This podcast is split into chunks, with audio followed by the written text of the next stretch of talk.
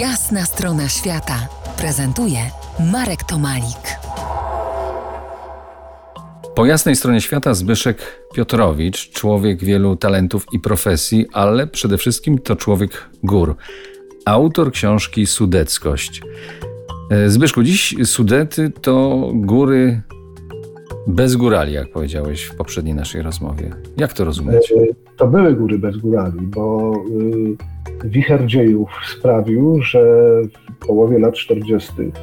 autochtoni, mieszkańcy tych ziem, opuścili te góry w większości, a na to miejsce zjawili się e, zupełnie inni mieszkańcy, znaleźli się w otoczeniu, które było budowane przez e, kogoś innego i e, zamieszkałe przez innych ludzi. I to, to miejsce trzeba było na nowo oswoić.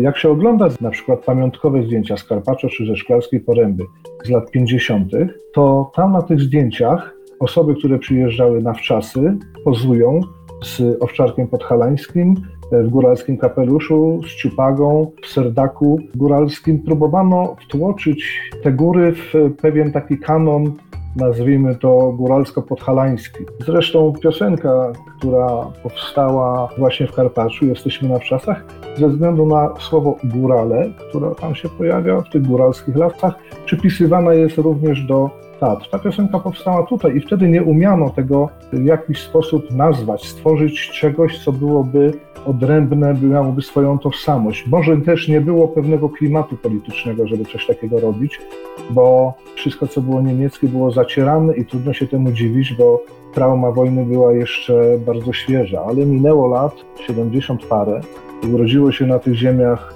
trzecie, czwarte pokolenie.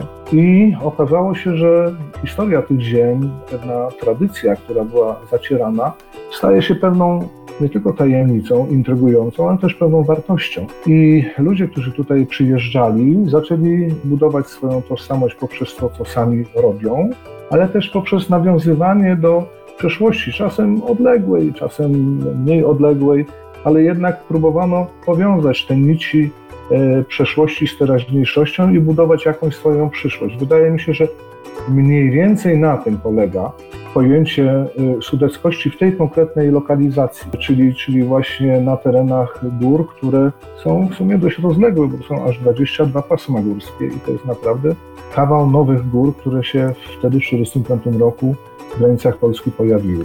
Za kilkanaście minut wrócimy do naszej rozmowy właśnie o Sudetach, właśnie o sudeckości. Zostańcie z nami po jasnej stronie świata. To jest jasna strona świata w RMS Classic.